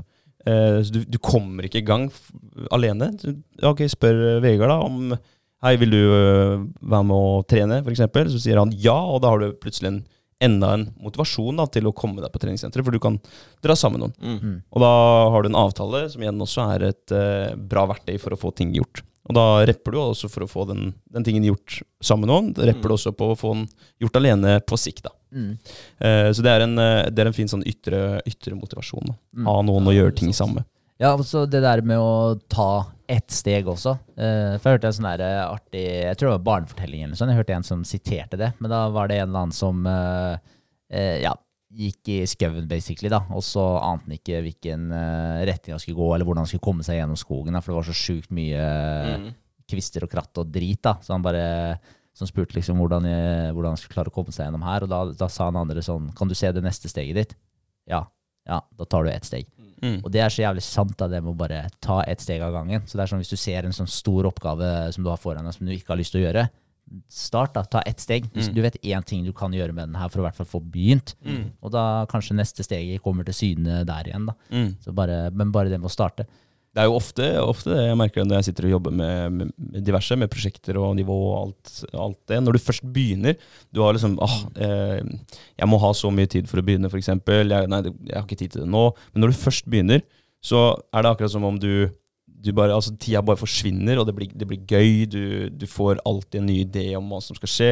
Og, og den tida bare går unna eh, litt for fort. Du skulle Mm. ønske du hadde mer tid til å gjøre det du faktisk grua deg til, eller du utsatte. fordi at det, det er alltid noe annet som frister. Eh, fordi vi er enkle mennesker, og det, vi blir fort distrahert, dessverre. Eh, så ja, bare begynn. Det, er, eh, også, det var vel også et tips når vi snakka om disse arbeidsmetodene da, som vi Ja. hadde på podden for litt siden. Bare, bare begynn. Bare begynn, ja. Um, helt til slutt, uh, på tren, uh, trening av viljestyrken, huske å restituere. Uh, som en muskel så blir også viljestyrken sliten. Uh, og med restitusjon så mener jeg ikke at man skal slutte å gjøre ting.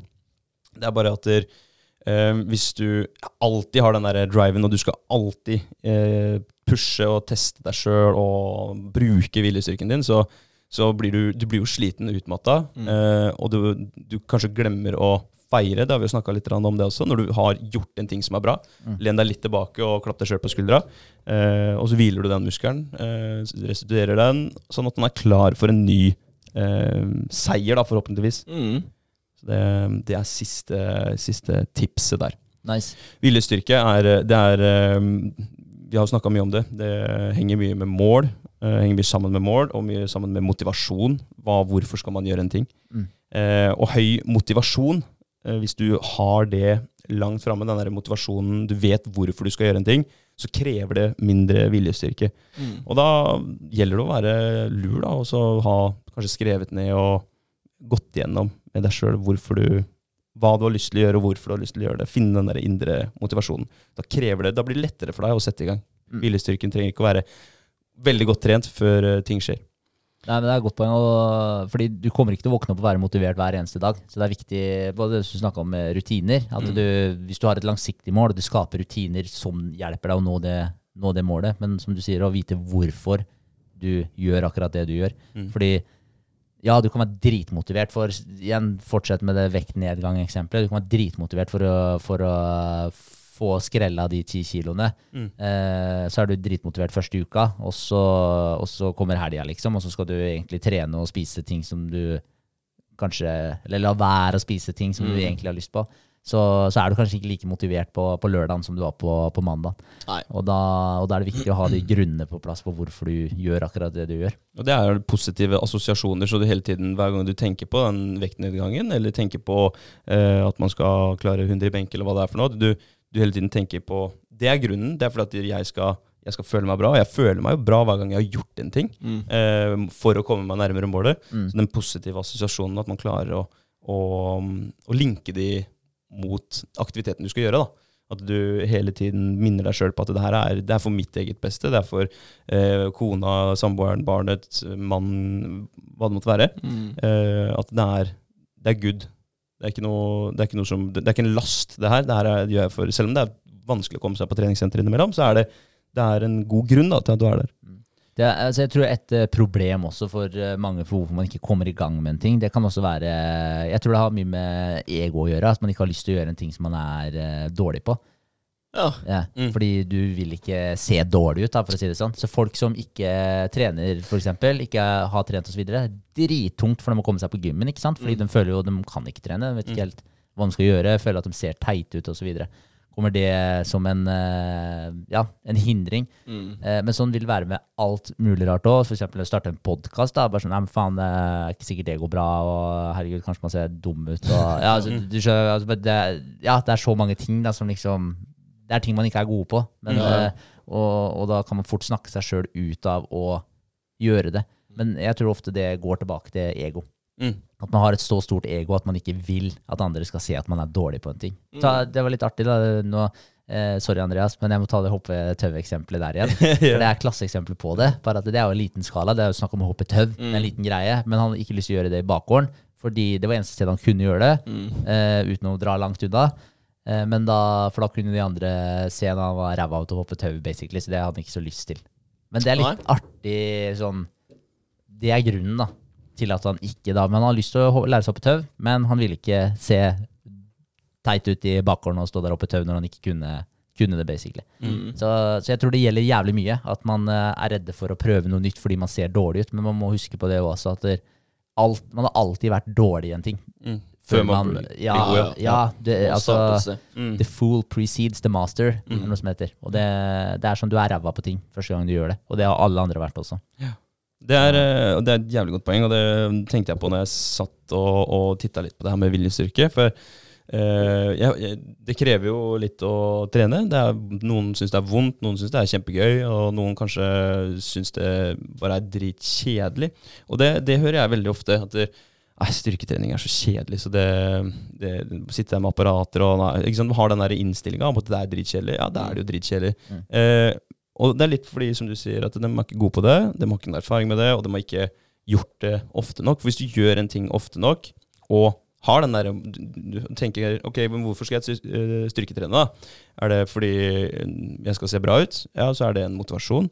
Er det fordi jeg skal ha en god fremtid? Jeg skal ha et klart eh, Eller en, en, et skjelett da, som holder, holder musklene oppreist over lang tid? Er det hjernen min som jeg vil at skal være velfungerende når jeg blir eldre?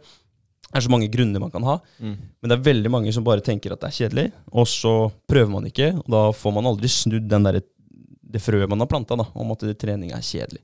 For hvis du da gjennomfører en ting, bruker kraften, den viljestyrkekraften, gjør det én gang, to ganger, tre ganger, fire ganger, fem ganger, så får du en eller annen mestring. Fordi ja, det er dritt kjedelig, jeg har gjennomført. Og da får du den lille mestringsfølelsen. Og det er en liten sånn positiv assosiasjon med trening. da. Fordi ok, her, nå har jeg jo gjort det over lengre tid. Eh, Jeg begynner å se resultater. Ja, fortsatt eh, ganske kjedelig, men resultatene trumfer den der eh, følelsen av kjedsomhet da, når jeg holder på med det greiene her. Så da, da kommer vi tilbake til det. Det er- bare å begynne. eh, Bare gjøre, og se at det, ting eh, vil blomstre så lenge du vier både tid og næring og, og oppmerksomhet til det. Mm. Så godt, eh, godt poeng, Henrik. Du har ganske mange pros for å eh, trene, eh, mot, nei, trene viljestyrken din. Og Det er f.eks. klare seg på jobb eh, og skole, at man får ting gjort. Eh, mestring. Det er eh, lavere risiko for skilsmisse. Det krever viljestyrke å være et forhold. Mm. Vi har snakka om det før også. Det, er med at det, man, det er veldig liten sannsynlighet for at man finner sin ultimate match i den ene lille byen man oppholder seg i, eller den store byen man oppholder seg i. Det er mer at man klarer å, å jobbe sammen da, og finne ut av ting sammen og være et bra team for å skape en god, trygg oppvekst, eller eh, ha det godt i hjemmet uten barn, med barn, med hund, hva det måtte være. Så det er lavere risiko for skilsmisse når du har trent opp viljestyrken din. Eh, økonomisk kontroll. Du har en evne til å ta tak eh, på økonomien din. Eh, du påvirker de rundt deg. Har du god viljestyrke og får ting gjort, så vil de rundt deg også sannsynligvis ta tidligere grep da, hvis det er et eller annet som må, må gjøres. Mm. Ehm, du har mindre sannsynlighet for å ende opp i fengsel, fordi du har viljestyrke nok til å holde deg unna trøbbel. Uh, og så er det helt til slutt nøkkel til uh, suksess. De fleste som får til ting, de har en viljestyrke som de har trent opp. Det er ikke Mm. sånn at Elon eh, Musk eller Bill Gates eller hvem det måtte være, er født sånn som vi snakka om i stad, med en drive og viljestyrke på topp. De har trent opp den til Mm. å komme dit de, de er. Ja, for det, det tror jeg også er en sånn der ofte at man eh, bare hopper til en sånn konklusjon om at det er de som er rundt deg, som har fått til et eller annet, som er jævlig gode i et eller annet. Man, man tenker ofte ikke på veien dit. Man bare ser hvordan de er nå, så tenker de shit, de er gode, eller Ja, ja. eh, de er flinke, og de har en rå viljestyrke. Men man tenker ikke på alle de dagene, timene de har lagt ned og øvd på akkurat de eh, kvalitetene eller de skillsa som de utviser senere. Så vi ser jo bare resultatet av det. Så det, så det tror jeg Ja, i hvert fall ofte med meg sjøl. Eh, jeg prøver å være mer bevisst på det nå, for nå vet jeg jo at det ligger veldig mye mer bak. Men sånn tidligere også. Jeg, jeg vet ikke. Jeg har kanskje lagt til en litt større andel eh, flaks inn i bildet. Sett på det som kanskje som litt mer flaks. Nei, de hadde den kvaliteten, eller de ja, endte opp der, eller traff dem, eller altså, jeg, jeg vet ikke. Men ikke gi nok creds til all innsatsen som faktisk har lagt ned. Fordi det er sånn når du ser, eh, enten det er en fotballspiller som presterer på et så høyt nivå, det du ser der, er jo produkt av mange tusenvis av, av timer som de har eh, gjort det på. Sammen med Elon Musk òg. Det er jo tusenvis av timer som han har lagt ned og studert, lest, og bare preppa for å få til det han har fått til nå. Sammen med Bill Gates og hele gjengen. Og så alle de her suksessrike folka, enten om det er atleter eller om det er businessfolk. Spiller ingen rolle. Det er helt sjukt mye øving og trening som skal til da, for, å komme, for å komme dit. Ja, det er eh, jeg er helt enig i. Og jeg tror også en annen mm, faktor her er forventning.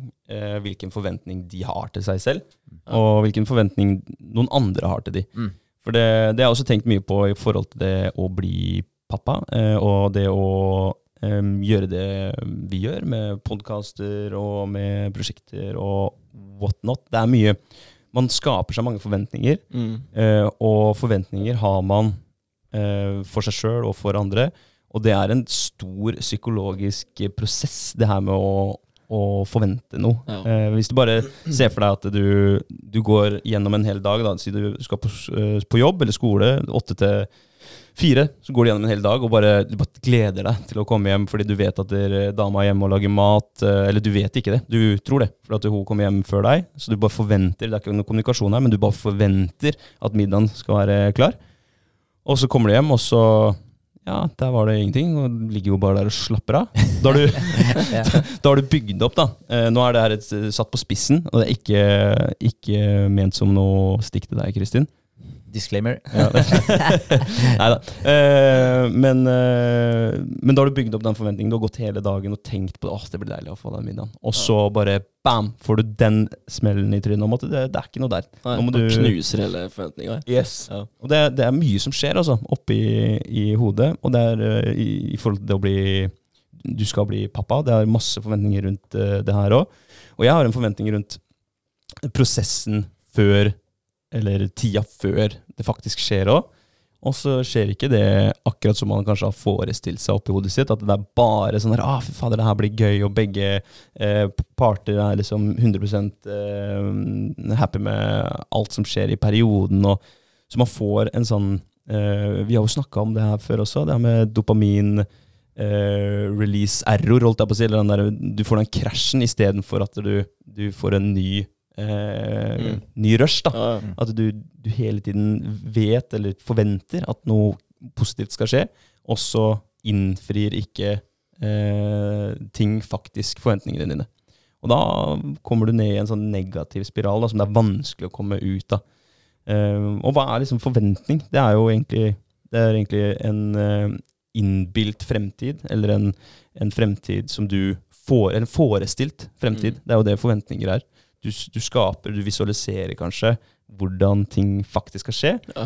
og så er det opp til deg sjøl eller de rundt deg da, til å inntreffe eller innfri de forventningene. Ja. Det er jo ikke lett å, å vite hvordan man skal gjøre det uten å snakke sammen da, og, og prøve å eh, skape realistiske eh, forventninger overfor eh, hverandre. Da. Så forventninger, det er et, eh, et ganske er, Vi kan snakke i en evighet om det, og det er ganske powerful. fordi at der, når du setter forventninger til deg sjøl eller til andre, så gjør det noe med, med atferden og mindsettet til deg sjøl og til de du, de du omgås med. Ta f.eks. et studie fra Jeg tror kanskje vi har snakka om det studiet før, eller forsøk, som heter Rosenthal-metoden, tror jeg det heter. Mm. På 60-tallet, har du hørt om den? Ja, det hørtes veldig kjent ut. Jeg må høre hva det er for noe. Ja. Ja. Jeg tror, jeg mener vi har snakka om det før. Ja. Det er fra 60-tallet. En, eh, en, eh, et forsøk på eh, Det er noen, en x antall elever eh, i en klasse eh, hvor lærerne får forespeila, eller de blir eh, De blir formidla at eh, tre eller fire av barna er supersmarte. De har en eksepsjonell uh, høy IQ og kommer til å gjøre det dritbra. Uh, og de lærerne da har fått den informasjonen fra uh, noen andre, kanskje høyere opp i skolesystemet, eller jeg vet ikke hvem som ga informasjonen. Og gjennom skoleåret da, så har jo de supersmarte kidsa De har fått forventninger på seg av lærerne. Og de har på en måte blitt glorifisert litt og behandlet litt annerledes enn alle de andre av forventningene Mm. som lærerne har til de, og forventningene som har blitt lagt på barna. Eh, så det her var eh, litt usikker på hvilken alder de barna var i, men det var i en, en prestasjonsalder. da, At du, du ble rangert måte, eller testa. Du ble gradert på, på prøver og, og sånt noe. Mm. Og de barna gjorde jo betraktelig mye bedre da, enn alle andre, selv om det her var eh, forventninger som var lagt på de, som ikke var eh, realistiske eller reelle. Eller det var en fabrikkert historie da, om at de var så smarte som de egentlig var. Det handla om litt IQ. De fikk, eh, fikk eh, fabrikkert en, et IQ-tall på, på noen av de barna som ikke var realistiske i det hele tatt. Men de gjorde det faktisk bedre, pga. de høye forventningene. Ja, sjukt. Ja, det er ganske- kult, faktisk. Og det har blitt gjort eh, studier på, på dyr også, på, på smarte og dumme rotter, hvor eh, forskere har fått, fått beskjed om at x antall eh, rotter var supersmarte, og x antall rotter var eh, dumme. da. Og de supersmarte, det var, alle, alle var helt like. Det var vanlige rotter, liksom. Ja. Men de supersmarte rottene de eh, fikk dem til å gjøre mer triks, da, eller fikk dem til å gå forskjellige veier, mer enn de dumme rottene som eh, var helt like de smarte. Sjukt. Ja, så forventninger, det, det er mye. Eh, det er mye som, som kan skje da, ut av lave eller høye eh, forventninger for deg sjøl eller for andre. Ja. ja, det er sant. Det er jo en veldig balansegang også, det der med forventninger. Hvor høye forventninger man skal ha til seg sjøl. Fallhøyden blir jo også stor hvis man eh, setter for høye forventninger Mm. eh, og for høye krav. Eh, Ja, tilbake til de høye forventningene man har for andre. Mm. Da blir jo fallhøyden for deg sjøl veldig høy også. Du, du blir jo nedbrutt, og, eller ikke nedbrutt, du blir i dårlig humør fordi at du, du, du tror at noe skal skje, og så skjer det ikke sånn som du ønsker det, da. Eller sånn som du har forespeila det. Men også påvirker jo det de du har gitt de høye forventningene også. Ja, og Det er jo egentlig jævlig urettferdig. Mm. Sånn, Veldig urettferdig. Overfor den andre, da, hvis du har noen forventninger til den personen, og så har de egentlig ingen forutsetninger for å vite hva du tenker, sånn Mm. egentlig, så, så blir man jævlig skuffa. Eh, når da ikke middagen er klar den gangen du kom, eh, hadde jobba litt overtid og kom litt seint hjem og var jævlig sulten. Mm. Så, så det er litt, eh, ja, det er viktig å være litt bevisst på, på det med forventninger. Eh, Men jeg likte i forhold til i hvert fall forventninger opp mot uh, målsetninger. Hvis man setter et sånn megastort uh, mål uh, for seg sjøl, så likte jeg veldig godt den der eh, til han som jeg alltid glemmer navnet på. Kødder du? Det er Jeg klarer ikke å navnet hans, men samme det. Eh, jeg hørte en fyr drev og prata om det, i hvert fall, i forhold til den her eh, eh, Ja, se for deg at du er i den elva Mm. den snakka vi om tidligere på poden. Se for deg at du er i en elv som renner nedover, og svinger, slynger seg nedover. Så hadde du liksom den forskjellige måtene, den forskjellige approachene til livet. Og det var Den ene var å svømme motstrøms liksom, og bare beine på og bare drite i alle utfordringene som kommer. Men du kommer til å bli utslitt før eller siden. Og så er det den andre hvor du prøver å skal gå i en rett linje, men den elva vil ta deg fra side til side. Eh, og da prøver du å opp av elva, kravle over kanten her og ned på andre sida, og så opp igjen på andre sida der igjen. Eh, så du nekter på en måte å følge flowen. Og så er det den siste, da, som bare aksepterer at veien går litt til høyre og litt til venstre, men før eller siden så er det på vei, du er på vei ned mot målet ditt eh, der nede. Og den approachen der prøver jeg så godt jeg kan å, å ha i bakhodet. Fordi hvis det kommer et, eh, at du får et slag i trynet, det kommer et eller annet inn fra sida, noe som ikke levde opp til forventningene, sånn, så er det sånn ja, ok, men det er greit, liksom. Fordi du vet at du er på vei riktig sted. Mm. Du er på vei mot målet ditt, men du får en liten høyresving innimellom, og du får en liten ven venstresving. Men å prøve å akseptere det. Og det, det føler jeg hjelper uh, betraktelig, faktisk. Mm, du blir jo til, mye ja. mer forberedt da, på at noe uforventa kan skje. Ja. Ja, Og det er på en måte, og da er det greit, liksom. Ja, ja. Det er sånn, ja, Da er det liksom hvordan du velger å faktisk reagere på det uforventa. definitivt. Det- ja. Men, det, men det er i hvert fall opp mot målsetninger. En annen ting er jo selvfølgelig forventninger man setter til andre. Men det er også Men jeg, men jeg, ja, jeg vet ikke med meg sjøl. Jeg stiller veldig høye krav til meg sjøl. eh, Og da er det lett for meg også å stille høye krav til de rundt meg også. Fordi jeg, hva skal jeg si, jeg forventer ikke av noen rundt meg det jeg ikke forventer av meg sjøl. Mm. Det gjør jeg ikke. Men jeg forventer ganske mye av meg sjøl. Mm. Så da blir det kanskje at jeg forventer ganske mye av de rundt meg. Ja, ja. Ja. Men eh, så lenge man forventer mer av seg sjøl enn det man forventer av andre, Ja. så er jo det ganske fair. Mm. tenker jeg jeg tenker også det. Ja. Jeg tror, ja, for Det er ganske, som vi har snakka om, det, kraftig, det er en kraftig effekt på psyken. Jeg tror er derfor kanskje veldig mange går inn med Hvis man skal se en kamp, da, på en fotballkamp f.eks., så er det favorittlaget ditt mot kanskje den største rivalen. Så sier man høyt til alle rundt seg at «Nei, 'jeg tror vi taper i dag', så jeg tror vi taper. Det er for å skåne seg sjøl litt, Ja. for å ikke bli sånn sykt skuffa, og at forventningene er der, og heller bli superoverraska og positivt eh, overraska etter, etter kampen Mm. hvis man vinner. Jeg tror det henger litt sammen. Fordi forventninger er, det er eh, sinnssykt, et sinnssykt sterkt virkemiddel. Bare se på placebo. Det er jo egentlig det det er. Mm. Du får en, eh, hvis du får en pille som de sier at eh, skal gjøre deg supersmart, eh, og så er det egentlig bare en sukkerpille, men de har lagt disse forventningene på den pilla ved å eh, stemple den da, som en eh, smart drug, f.eks. Mm. Så er det sannsynlig at du etter å ha tatt eh, den sukkerpilla, faktisk føler deg litt mer oppegående, litt mer kvikk etter å ha- tatt den. Og det er, det er placebo. Det er en forventning til at noe skal fungere. Da. Mm. Mm. Bare skjerpe sansene med en gang du tar pilla. Liksom. Brått. Ja. Ja, jeg har merka det, det, det før, jeg. Å bare ta noe som egentlig kanskje er, er piss. da, sånn, Spesielt i treningsverden. Der er det mye, det er mye humbug. Det er mye mange sånne penge, pengemaskiner som eh, leverer eh, ja, egentlig ting du kan få veldig enkelt ut av kostholdet ditt. Mm. Så, og det, du føler deg bra, selv om det kanskje ikke er reelt. da. Det er, eh, det er sant. Det er eh, En annen viktig ting å huske på også, er jo at du, du vil se de tinga som uh, Ut ifra de måla du setter deg, så Mm. vil ting komme til syne uh, ut ifra det målet du har satt deg. Og det er jo sånn, uh, og vi har, vi har nevnt det tidligere også, men jeg føler også det er litt i tråd med det vi snakker om nå. Fordi uh, det er jo sånn at der, hvis vi i rommet her nå, hvor mye du får med deg av det som skjer her Du får med deg sånn, eller det er typ hva er det for noe, 85-90% som du ikke får med deg i det hele tatt. Du får egentlig bare med deg de tinga som du fokuserer på. Men hvis du har en, eh, når du setter deg et mål, så er det jo litt samme greia der. Det er jo noen ting du ser, eh, men eh, i forhold til ref den der basketballtesten, når de Ja. Når de sentrer den der Can you spot the gorilla, heter jo det der forsøket.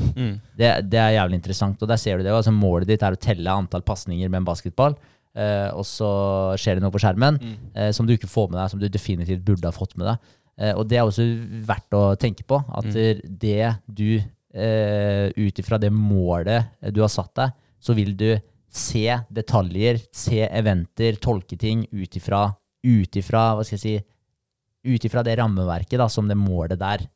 Eh, ja, hva skal jeg si, du setter det målet, og ting vil komme til syne for deg ut ifra det målet du har satt deg. Så målet du setter deg, har veldig mye å si i forhold til det du faktisk ser. Altså sånn bokstavelig talt hva du ser, hva du får med deg. Så hvis du setter deg et nytt mål, så kan det hende at andre detaljer åpner seg for deg eh, på en helt annen måte. Mm. Det er veldig rart det der. Det er som eh, når du begynner å se på en ny bil, da, for eksempel. Så legger du plutselig merke til akkurat det merket du ser på. Da Mm. Da dukker de bilene opp overalt, ikke sant? Ja, så det blir jo sånn. Det er nøyaktig det der. Ja. Og, det- og, det er det som er, eh, og det er veldig interessant å tenke på, men det er også veldig interessant å tenke på det at det, hvilket mål man faktisk har satt seg, og er det det riktige målet for deg. Eh, det, det er jo det er veldig viktig Mm. eh, å tenke over. Fordi har du feil mål, så bør du ville vite det. For da er det mye kanskje du ikke får med deg som du kanskje burde ha fått med deg. Viktige detaljer, viktige Mm. saker. Hvis du da t- trekker en liten parallell over til det med å forvente noe av noen, da, Mm. så er det akkurat det samme. Hvis du har en forventning om at eh, klærne skal være bretta før du kommer hjem fra jobb, så er det det du fokuserer på. Det er det første du ser på når du kommer hjem. Ja. Eh, og da, blir, da er fallhøyden ganske stor, da, hvis ikke det, det har blitt gjort. For det, det er det fokuset du har, det er det du er opptatt av. Nettopp. Og da ser du kanskje ikke at der, eh, gangen og stua var Støvsugd, ja. og ja, klærne dine var bretta sammen, liksom. Altså, det, det ser du kanskje ikke. Nei. Nei. Så viktig å justere sine forventninger og for seg sjøl og for de andre. eh, og trene opp viljestyrken. Mm. Og gjøre de tinga som kan gjøre deg bedre for de rundt deg. Da. Det er vel det vi, vi kan konkludere med på slutten av en, eh, en eh, episode av Dypt vann. Ja, Ja, det kan vi gjøre. Ja, Så bra. kult. Det er bare å kjøre på, Det er det. er det. Reppe viljestyrken. Ja. Positivt. Mm. Trenger det nå. Ja. Trenger det nå eh, mot varmere dager hvor det er mye annet som frister enn å, enn å gjøre de tinga som uh, man egentlig burde gjøre. Ja, for den det også er er litt hard altså, når det er eh, fint vær ute, og sånn, og så, skal du, så bør man egentlig sitte inne og jobbe med diverse. Men da får man prøve å blande litt, tror jeg. Ta et par-tre timer ute kanskje, og få bada litt og få litt frisk luft. Og så får man heller jobbe litt på intervaller. Da. Kan man kanskje sitte litt ute i sola og jobbe òg. Det går kanskje an. Ja, Det er hyggelig. Det er hyggelig. Det gjør det. All right. Bra. Kjører vi ny pod om en ukes tid? Yes! Det gjør vi. Det blir fett. Det blir fett. Ok, ha det bra. Ha det. Ha det.